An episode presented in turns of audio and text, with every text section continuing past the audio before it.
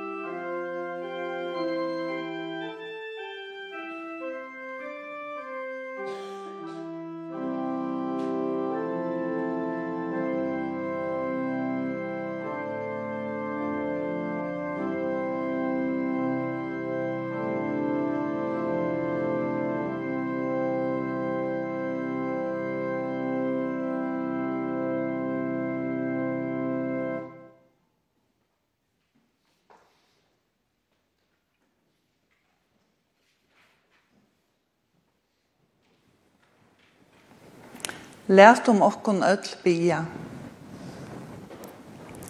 Herre, jeg er innkommen og i hetta heilige hustut at høyra. Kvært og to, god fægir, skapare moin. To Herre Jesus, frelsare moin. To gode heilige ande, okkare moin og i løyve og deia vilt vimme tala. Herre, Åpna tu nu såleis vi tunnen heilige anda fyrir Jesu Krist skuld hjärsta mot. At jeg av året tunnen kan læra at bere enkor om synder møyner og i løyve og deia at trykva av Jesus og kvønte og i heila von løyve og levna i at bastna. Ta høyre og bøn høyre god fyrir Jesus Krist Amen.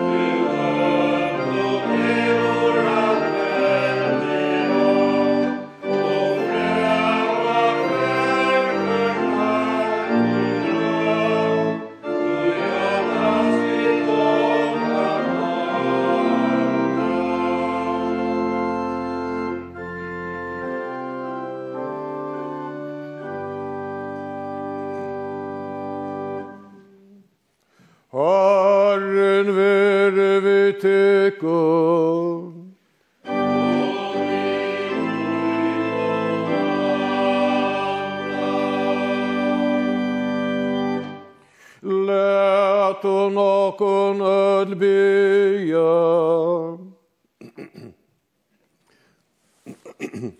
Hör av vår god til malske fäger.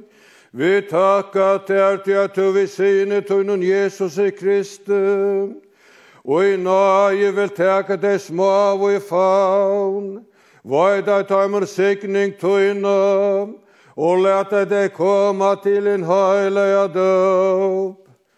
Vid bea til, Gjev okon vi heila i anda tunnum, av sannun at høyre henta gleilja båskap, så at vi du veiklaik og hjelparløse med a finna vøvn, styrkje og frøyme og i hånden, veks og i sannare trygg, og i sannun gods øyta liv etter vilja tunnum til vid at enda vera sel atlar ever.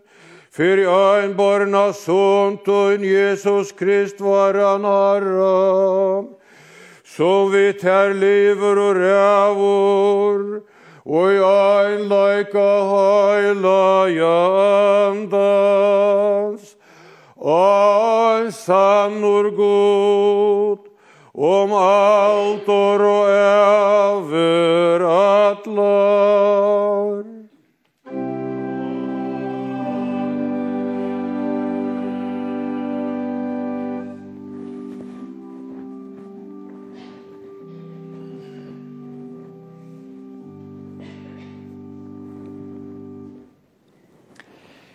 heila i lesteren er skrivaður í fyrste Mosebok.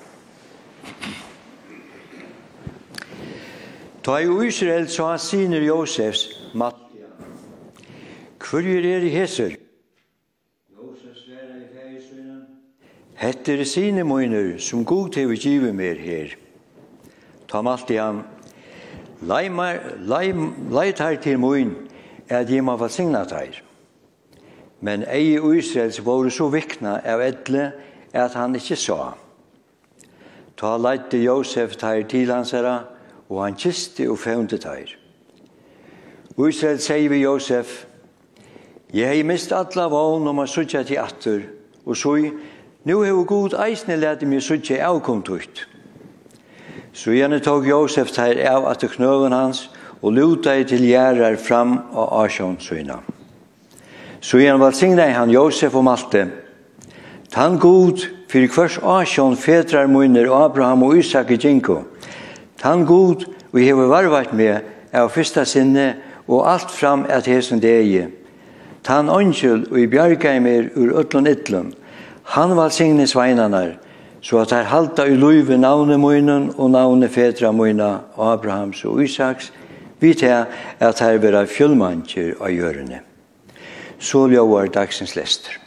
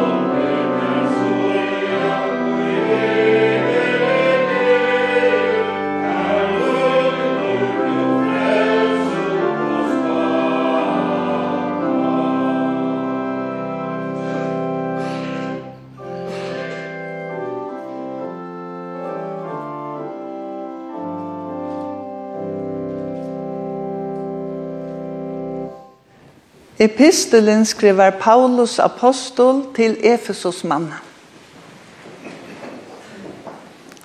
Tid bød, loje for eldrontikkara og i herranon, tog at det er rett.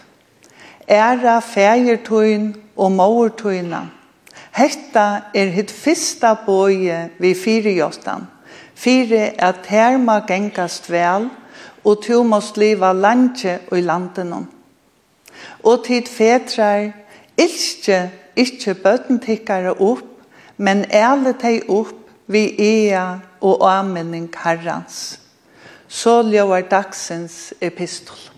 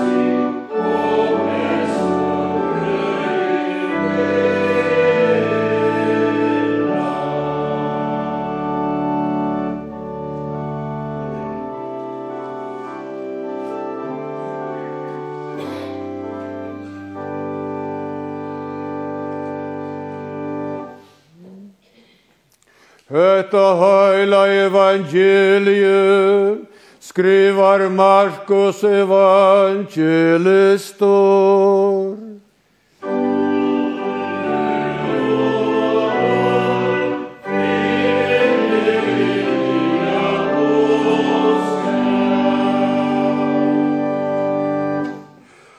Og de bære små bøten til Jesus, at han skulle nema vitt deg men lærusveinarnir høttu ættøymon som bæru deg. Men ta Jesus så hetta var han vrøyur og seg vittøyr. Læte småbøtnene koma til møyen, for det tar mot ikke. tog jeg gods rujtje høyre slukon til. Sannelig jeg sier tikkun, tan som ikkje teker vi Guds rujtje ans og løyte baden. Han skal alls ikkje komme inn i det. Og han tåg deg faun og lei hendurna av deg og valsigna i deg.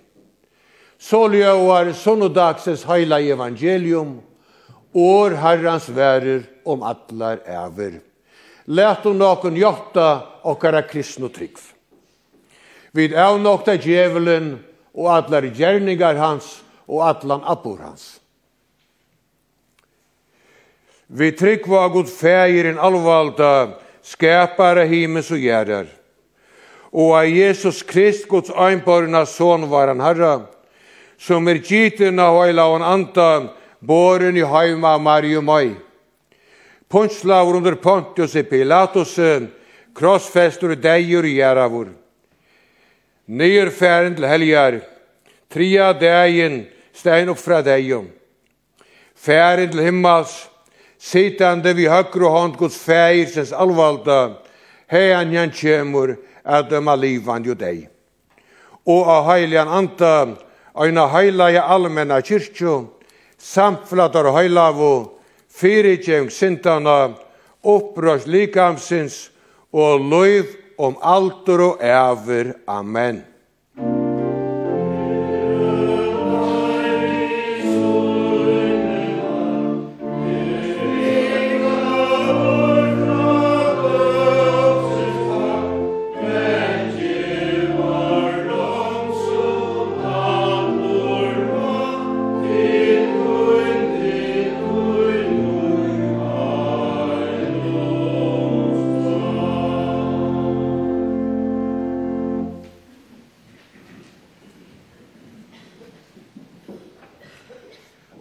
navn fægersins og sonarens og heila i antans. Amen.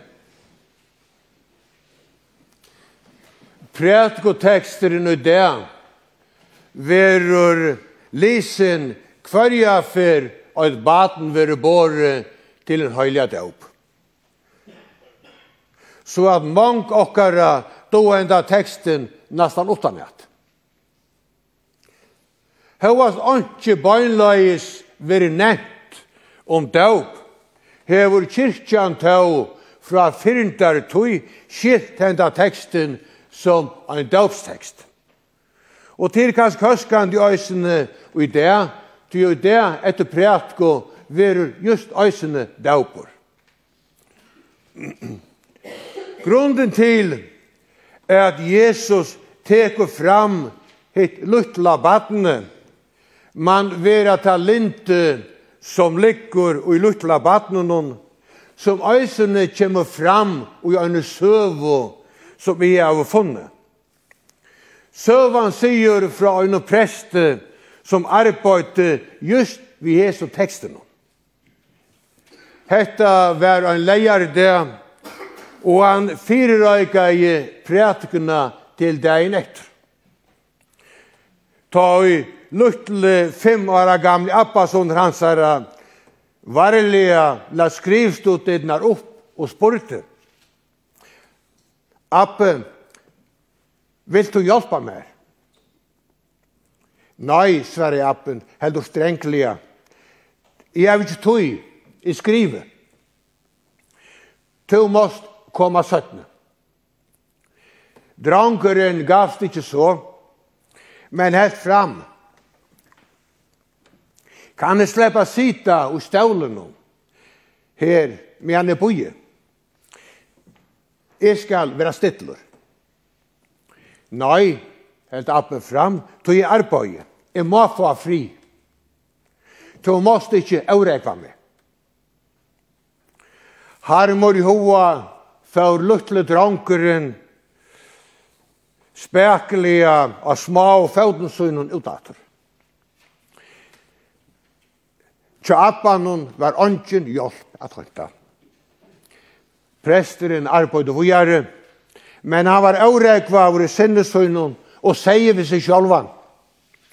Her sider to og skriver en prætko om vattnet, og at vera som vattnene, og så stanger to sjálvor vattnet ute og rekur ta fra der, ta ut det hever bruk for tunar hjelp.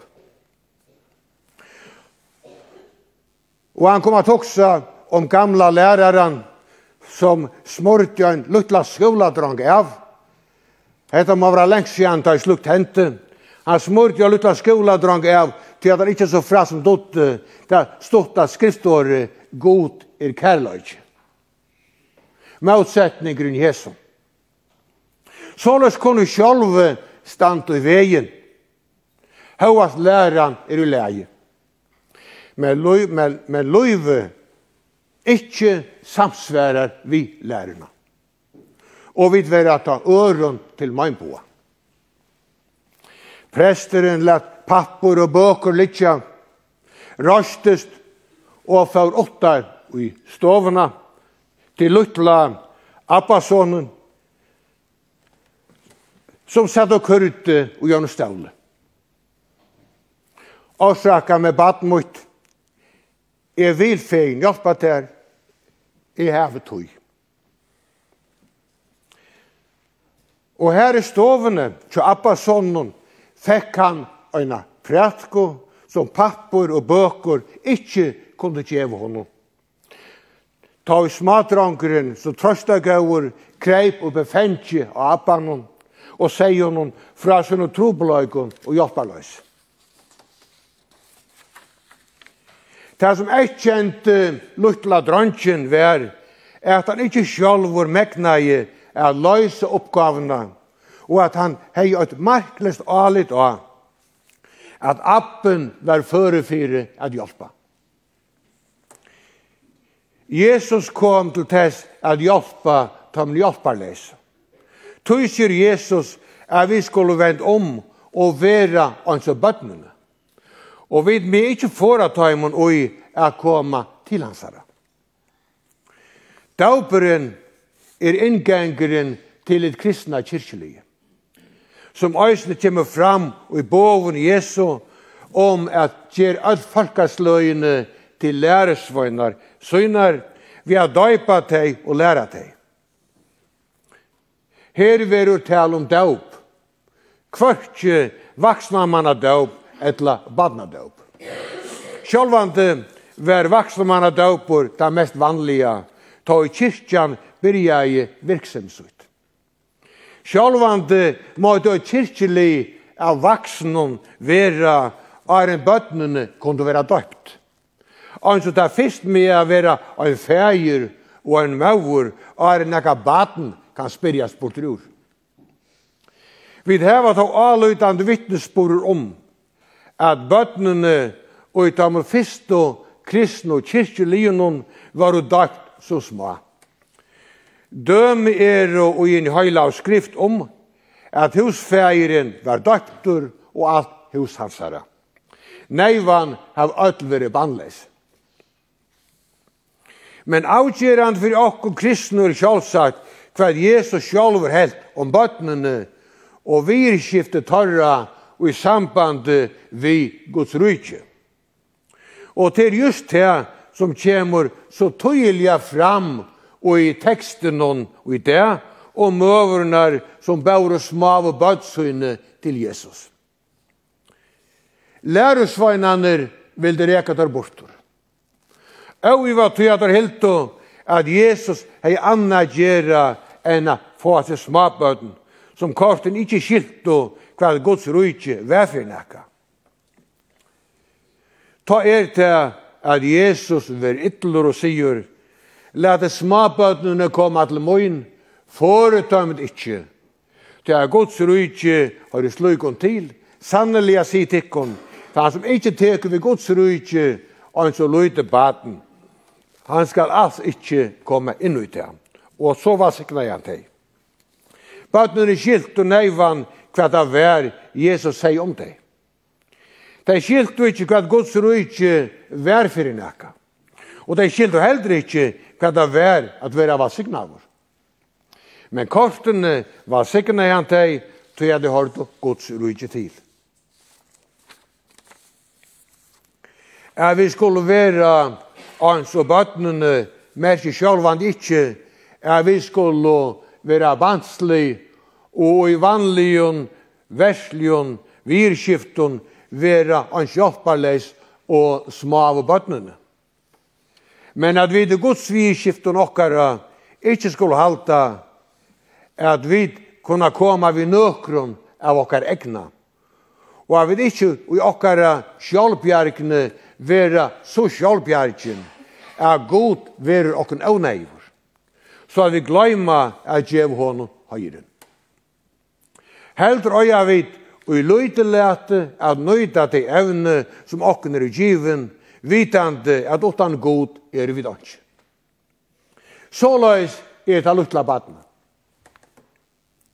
Luttla badne kan løyte i utanfor utan foreldrene. Eller at de som større er og skammast heldur ikke vitta. Men søker seg nøyevo hjelpene tjataimo. Vi vet øysene Gås er kjøtt som badene vekser til. Gås er kjallreie ta lukka som vekser ut. Tøy sier vi luttle badene. Vi med komme til Guds tomhet og få alt av nøye. Her er vi alt jansett. Og anken er større enn en annan. Det vil da ikke si at det er samme som at Jesus lovprus donaløse tvørrande sjálfsalite og i dagligen virskiftum, eller tankan om at mer er angen dår vi. Jeg til jo og leggjande fyrir persjonsmenneskene. Men han vil komme hukmåne til lufs, så er vi menneskje ikkje i donaskapet og framgångt gløyma god, han som bøyder ut gaver og evner og enda kanskje erenskap i størrelete gjør ånder til åndkes. Og så gjerne har han nøv mykje i seg sjálf. Men kvært over hette grunden vi badne døpa gjøre. Her vil ikke tale om døp. Og kortene hever etta vi døpen å gjøre, høyast talan ikkje er om en døpstjenest og sjálf hos her. Jeg ber apostlaner og tar som annars skriva og Nudja testamentet, her vokst om daupen, tar der søtt og frese henting vi Jesus og smabaden vilja sommer sia, er vi søtja og i åren hon fora. Fore tar imot ikkje. Ta eist og kyrkjulene nutt og ans og vit, hesa frasøgnene om Jesus og smabaden og i daupsritualen. Og ta tjekta fyrir seg nekka såløys. Bøttene var og båren til daupen etter Jesu åren, lette smabøttene koma til moin. Spurt var om nekka vær som fåra Jesu bøttene oi at vera døpt. Og så var sværa at anki vær som fåra i taimon. Tog at vår Herre Jesus Kristus hei sjálfur sagt, foretømt ikkje til a Guds rujtje har i slugun til. Så gjerne var bøtnene døpt.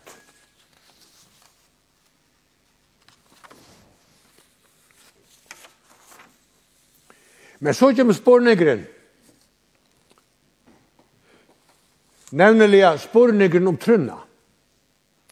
Tøy daupur og trygg høyra saman, blir sagt. Kan er løyde bare tryggva som ikkje sjálf kan sværa spurningunum og i døpsritualen. Kunne velja sia at a luttla badne kan tryggva kortene. Det kan kvart høyre årene etla leta seg samt for avtøymon, og så vidt. Til etta vil jeg atur sommer sia at et baden kan tryggva. Og sagt verur at tøymanda vera at Jesus sigur ikkje at bøtnene skulle boja til det vera vaksen og kinsom, men heldur at det vaksne skulle vend om og vera ans og bøtnene. Sagt verur at eit baden kan trykva, sjått om det ikkje kan heva øyna djøgnen hoksa ja, vaksna manna trygg. Og i Hebreer og brevn og lesa vid at trygg er samføring om tar loter som ikkje er vasutja. Grått er at sluga trygg og gjør baten ikkje. Det kan komme søttene, ikkje minst og badene, verur alt opp og gjerne kristne trunne. Men trygg er jo meira. Trygg ver øysen i alit, som Peter Apostel sier, er leta seg frelsa. Øysen sier Jesus, er da smabadna og brøstabadna munne hever til lovsang til lea. Og andre synker av sånn og gode lovsang utan han som tror, kan vi sija. Trygg ver til først og fremst alit, Jeg leter ikke opp for uh, Guds kærløyka og gasko og at teke møt og ta møtstøv. Tøy kan være sagt av grunn, tøy kan være rett, tøy han sier, at årene tja kyrkjefeiren Augustin om at tja til nyfødda badnen finner høyla i anten og gav møtstøv er det djupasta som sagt er badnadøpno til vimmales. Ta i mauren legger baden i næser, er baden fullt av trygg. Ta skiler ikkje vi viten om, men ta leter vi opp fyrir lufsens, fyrir maur kærløyka, vi treita lesom tryggløyka og allite. Og så vi minnast smadrangen i ingengen som er treita lest alit og appasynun. Så løys tror er av god. Ja, vi kunne si at best og baten kan tryggva fullt og høyt.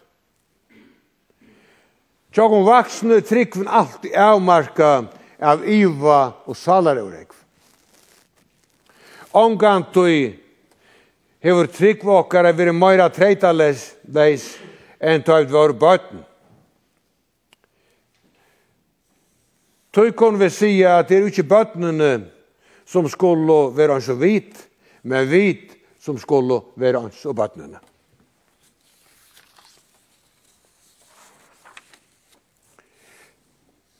Er vit skulle være ans og bøttene hever tog avgjerande tøtning. Ikke som hjelparløse, men som hetta at suttje av dag bruk for gusnai og hjelp. Her er det at man sigast, at veler tryggven personlig. Tå, ikkje møyra personlig enn så, enn av et omkantui er okkur sjálfun ná vik. Men som kristi kyrkjeli øya vid a bera trunna kvörk ørum og styrkja hver annan, ans om det høyra og mennenar som kommer berande til Jesus vi er sjukum. Vi høyre her ikke om trunna kjøyne sjuka.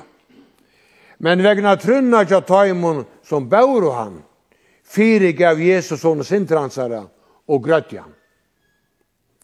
Hetta kan så òsne nøytast om så er, som ære vilja møyna og tåg av teka badnadøpen, at et løyde bad ikkje kan tryggva. Du det er imi sjøvna i hesten vi vujkjande med den torra som gav teka badnadøpen. Allt etter hva du skilja vi trygg og hva inni alt jo en trygg er. Vi med å halta at de som bera badnet til døpen, bera til utrygg.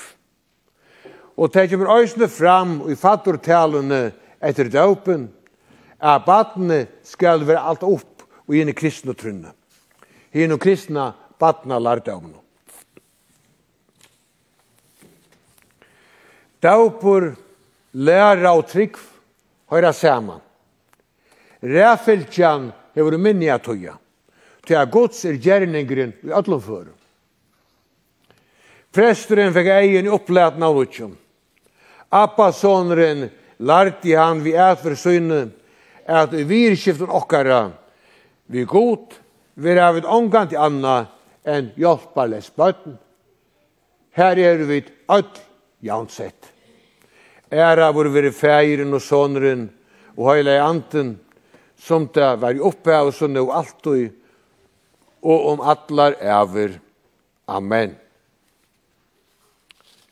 Læt du nokon at bia. Herre var god himmelske feir. vi bia fri at hon heimen og som til vår skapa. Halt hon hon oppi og endur no jan det fra deg, Gjø fri og semje middel folk og tjauer. Va signa gjøren og alt er arbeid av sjekk vi og landet. Hjelp okna færa vel og skapene er vekt ut, og at omsida natturene er kjent sammanhått. Gjørene, menneskjen, djauren og ødlun vøkstre er gagne. Vi ber for ødlun som er urakt av sorg og vannlokko og sakne, trøsta til sorgarbundene og øttafotlo, Gjev fata kunne kua om fralsi og rattvise. Metta det svanko, hjelp dem heimleise, utlagn og frileise. Verja tøym som sitter fengkjose, tøym som nuvt er og av ansemi og ankan gauan vita sær. Verja tøym som sjuk er og likam ledla salalia. Gjev tøym storandi og møtleise, vaun og maut av nutjon. Vi bia for ötlun som hava finnju vald og myndeløyka, ábyrd og kunnløyka. Fyrir løgting og landstøyre, løgmanne, drottningin i hus hennara, gjev om troskap og vysdom, så at de omsta gav utnana ratt, ta en vajk og ötlun menneskjum til sikningar. Vi bia fyrir landi okkar fölkje, okkar kæru, ötlun så videre gav vi og stand okkar nær. Halt vendar hånden i okkon og frels okkon fra ötlun ytlun. Halt okkon fra struje og klantre. Gjev okkon styrk og vilja at hjelpa for øron. Vi ber for kyrkjetøyne her og om allan heimen, var sikken og endur nødje henne vi heila i andatøynen, så at hon kan bo öllun menneskjon frelsand i årtøyt. Gjev okkon at vera verand ut i felaskapet, som to i høyla og døpe sette okkur i. Læt din høyla og kvaldmåltøyna være okkur til styrk og signingar. Hjalp okkur öllun at tæna tær vi glede. Vi bia til løys fyrir tøymon som ligger til det sørste. Styrk teg sida tja tøymon og gjev tøymene færre nero og akvila og tøyno frie. Læt ut evja ljøs løysa fyrir Kjev okkur til ta okkara tøymi kjemur, er færre hian i frie, og efsta degi sæl at rus opp til at vera sama vi tær, og atlum tøynun heilavu, og i rujtje tøynun om atlar æver. Høyr okkon og Jesu navne. Amen.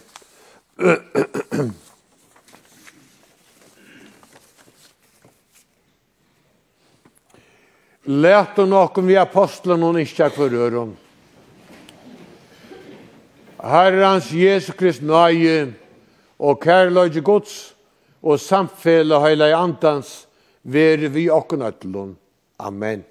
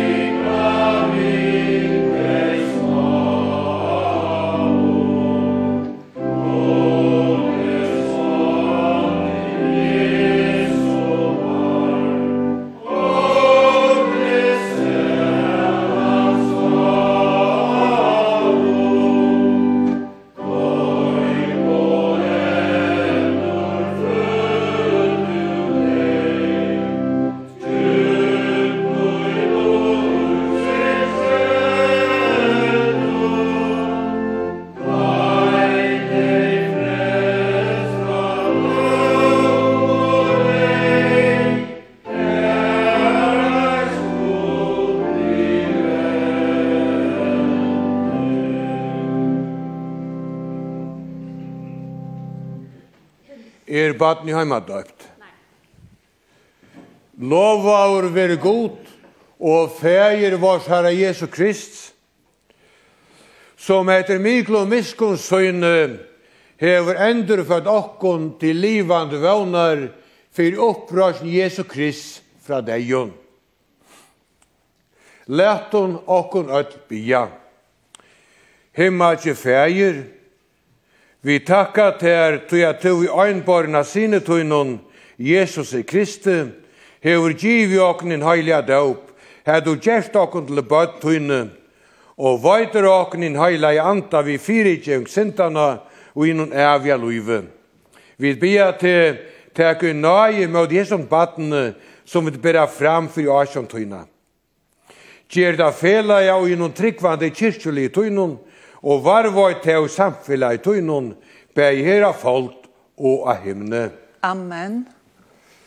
Så løs talar vår Herre Jesus Kristus.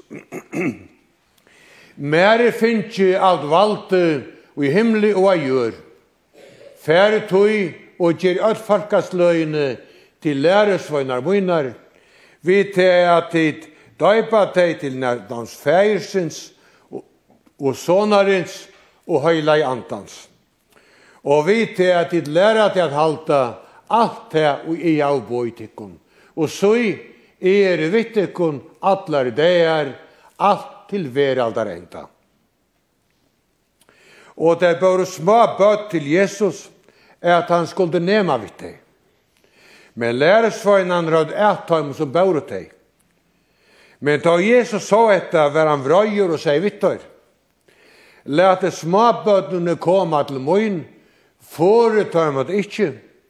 Ty er Guds rujtje har det slukon til. Sannelig jeg sier tikkum. Tan som ikke teker vi Guds rujtje ans og løyde baten, han skal altså ikke komme inn ut det. Og han tok deg i faun og lei henturna av deg og vassikna i deg. Så vil jeg vite hjelp her som tattene er sikning kansere Vi har døypa at hans feirsins og sonarins og heilaje andans. Ja, så færre vi her.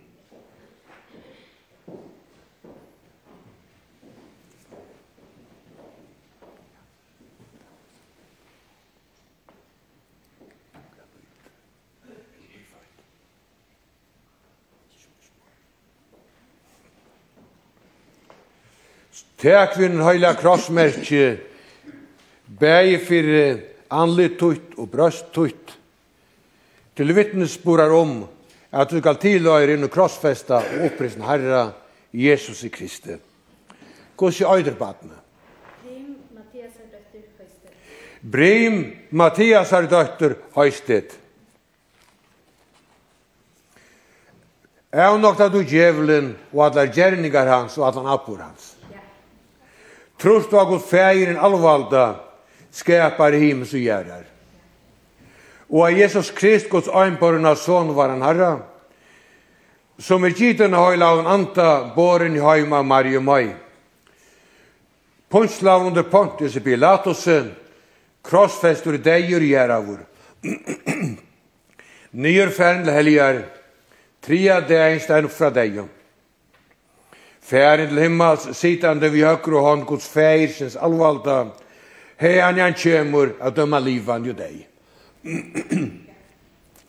og a heilian anta, eina heilaja allans kyrkjo, samflatar heilavu, fyrirgjeng sintana, opprøst likamsins og loiv om altur og æver. Vilt du vera døgt etter hessi trygg? Brim Mathiasar døtter høystet. Jeg døyper til, til hans feiersens.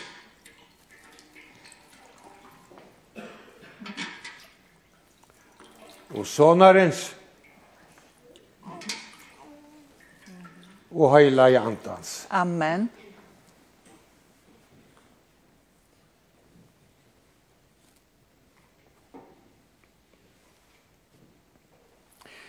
Hin allvalde god, fægir vårs Herre Jesu Krist, som nu hever endurfødt i vattnet og høyla av anta, og våttar fyrirgjeving fri allar syndetøynar. Han styrkje til vi nøy sunne til et evja luive. Han var i vårt utgengtun og inngengtun, hian fra og om allar ever. Amen. Lætu nokkun bya saman feir var fyrir blim. Feir var tu som er timnum. Heilat vir navn tut kommer ut tut. Vir vilje tuin som i himne så gjør. Tjev okkur i det okkara dagliga brei, og fyrir tjev okkur sintra okkara, så som vid øysene fyrir kjøva taimon i møte okkur sintra. Og løy okkur ikkje frøstingar, men frels okkur fra dittla. Til at tøytte ikkje vald i høyren, om atlar æver. Amen. Frigjør ver vit her. Amen.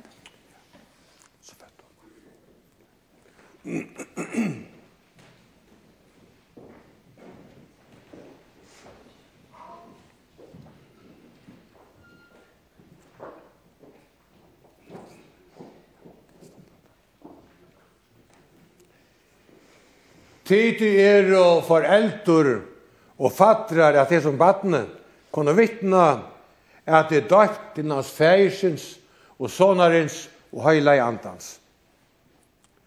Vår Herre Jesus Kristus hever boi okna døypa, læra og at halt alt det vi han ur boi ok.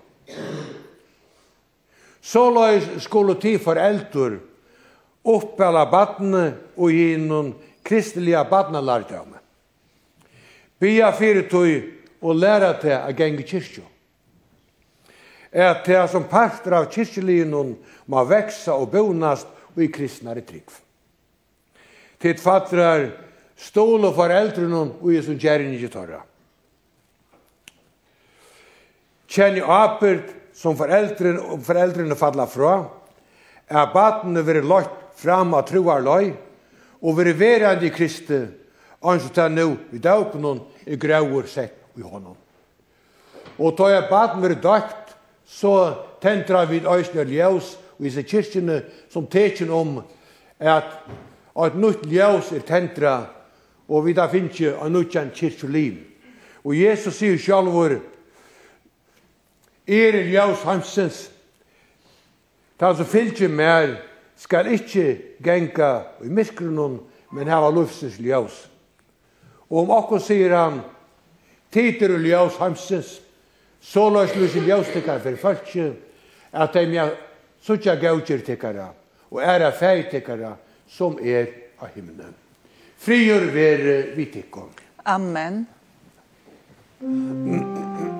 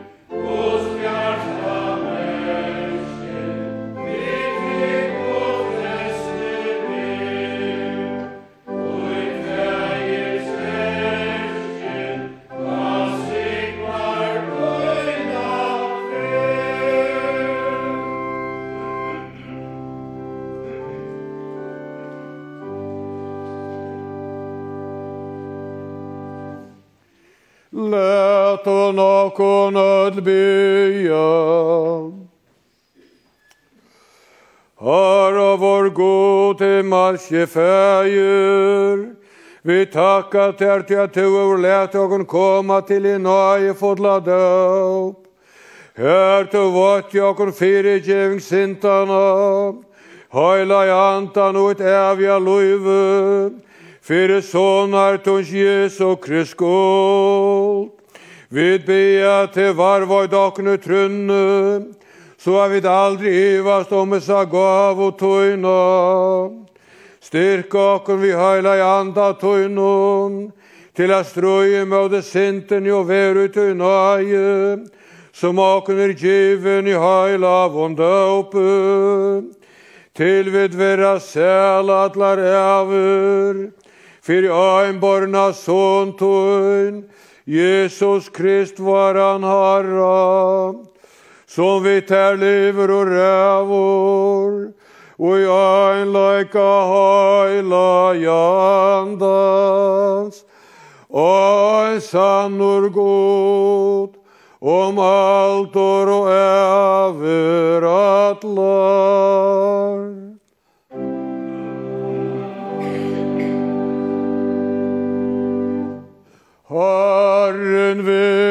tykkon.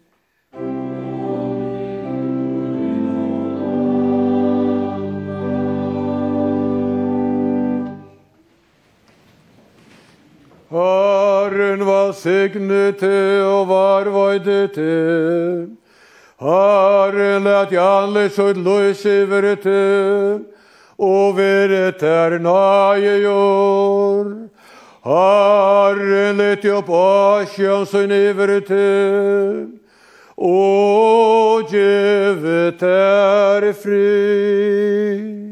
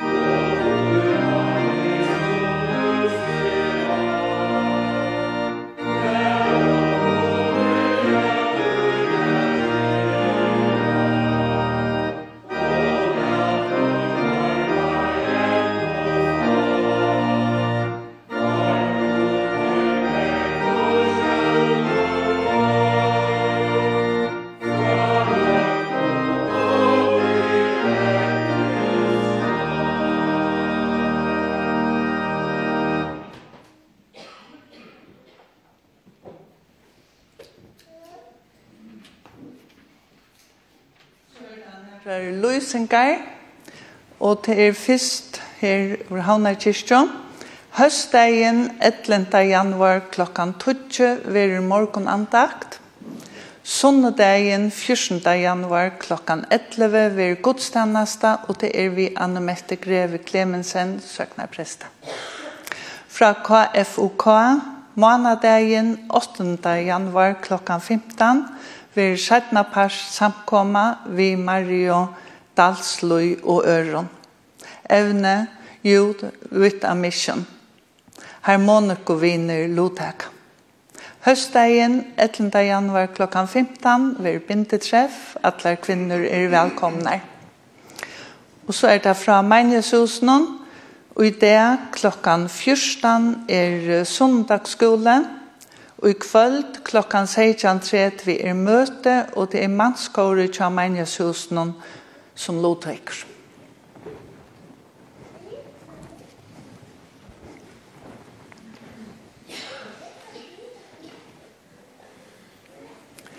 Lært om okkon öll bia. Herre, jeg takkje tær av öllon hjarta moinon, Fyre at tu hevur lært meg hva tu vilt at jeg skal trykva og gjera. Hjelp meg nu, god mun, vi heilige anda tøynon, fyrir Jesu Kristskuld, at ema verveita årtøyt og i regnon hjersta, av tøy styrstjast og i trunne, og i heilavon levna i batna, og med vi til, og i løyve og deia okka. Fægir var, tu som erst av himnom, heilagt vere navn tutt. Kome rujtje tutt. Vere vilje tuin som i himne så a gjør. Gjev okkon ui det, okkara daglige brei, og fyrirgjev okkon synder okkara, så som vid eisene fyrirgjeva taimon og imoti okkon synda. Og lei okkon ikkje i freistingar, men frels okkon fra tui ytla tog at tutt er rujtje, valde og heieren om atlar ever. Amen.